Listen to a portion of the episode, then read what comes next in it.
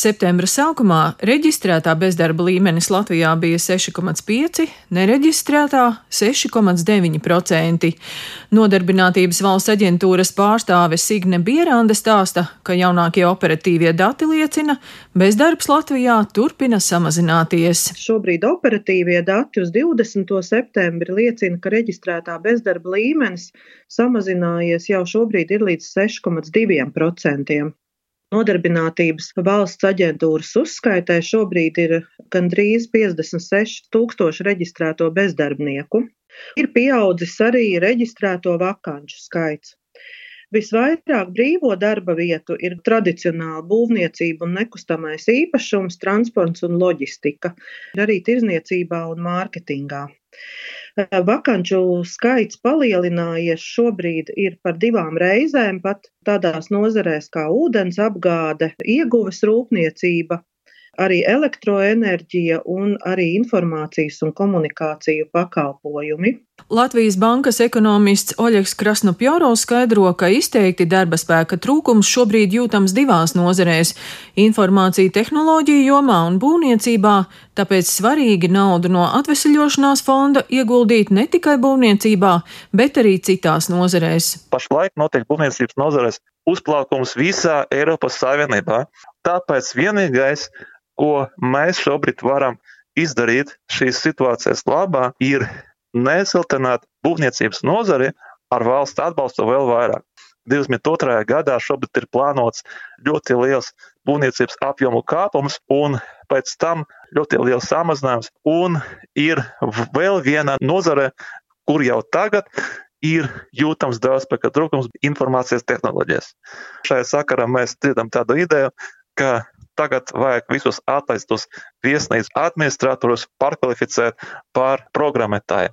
Šo ideju es īsti neatbalstu, lai mums nesanāktu tā, ka mēs vispirms apmācām viesnīcu administratorus par programmētājiem, un pēc šīs pandēmijas viņi turpina atkal strādāt par viesnīcu administratori. Ekonomikas ministrijas analītikas dienesta vecākais ekonomists Normons Ozols vērtē, lai gan nenoteiktība saglabāsies līdz gada beigām, darba tirgus pielāgojies esošajai situācijai. Bezdarbs samazinās arī demografiskās situācijas dēļ. Latvijā sarūk ekonomiski aktīvo iedzīvotāju skaits.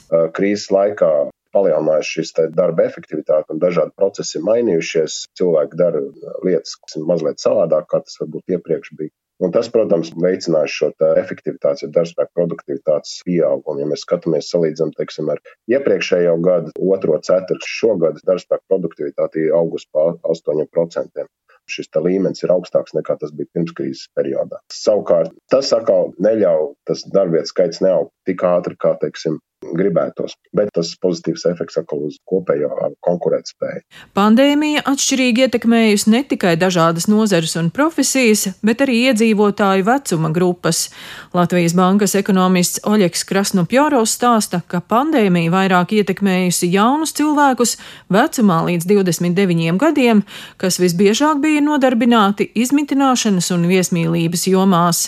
Izmitināšana un ēdināšana bija lielas atlaišanas, arī citās nozarēs strādājošiem jauniešiem bija ne tik augsta kvalifikācija, un darba vietu skaita samazinājumi Rīgā un Jurmalā ir ievērojami lielāki nekā citās republikas pilsētās.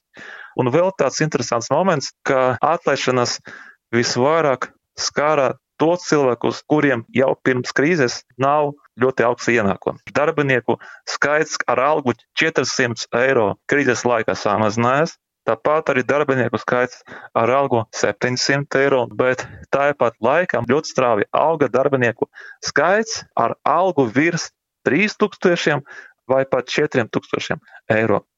Un tas atspoguļo divu ātrumu sabiedrību.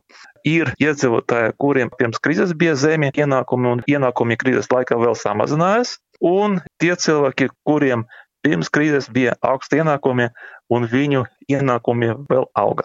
Ekonomikas ministrijas pārstāvs prognozēja, ka šogad nodarbināto skaits varētu samazināties par 2,5%, un vidējais bezdarba līmenis Latvijā varētu sasniegt 7,5%, bet situācija uzlabosies nākamgad, kad bezdarbs būs 6,6%. Daina Zalamane, Latvijas radio.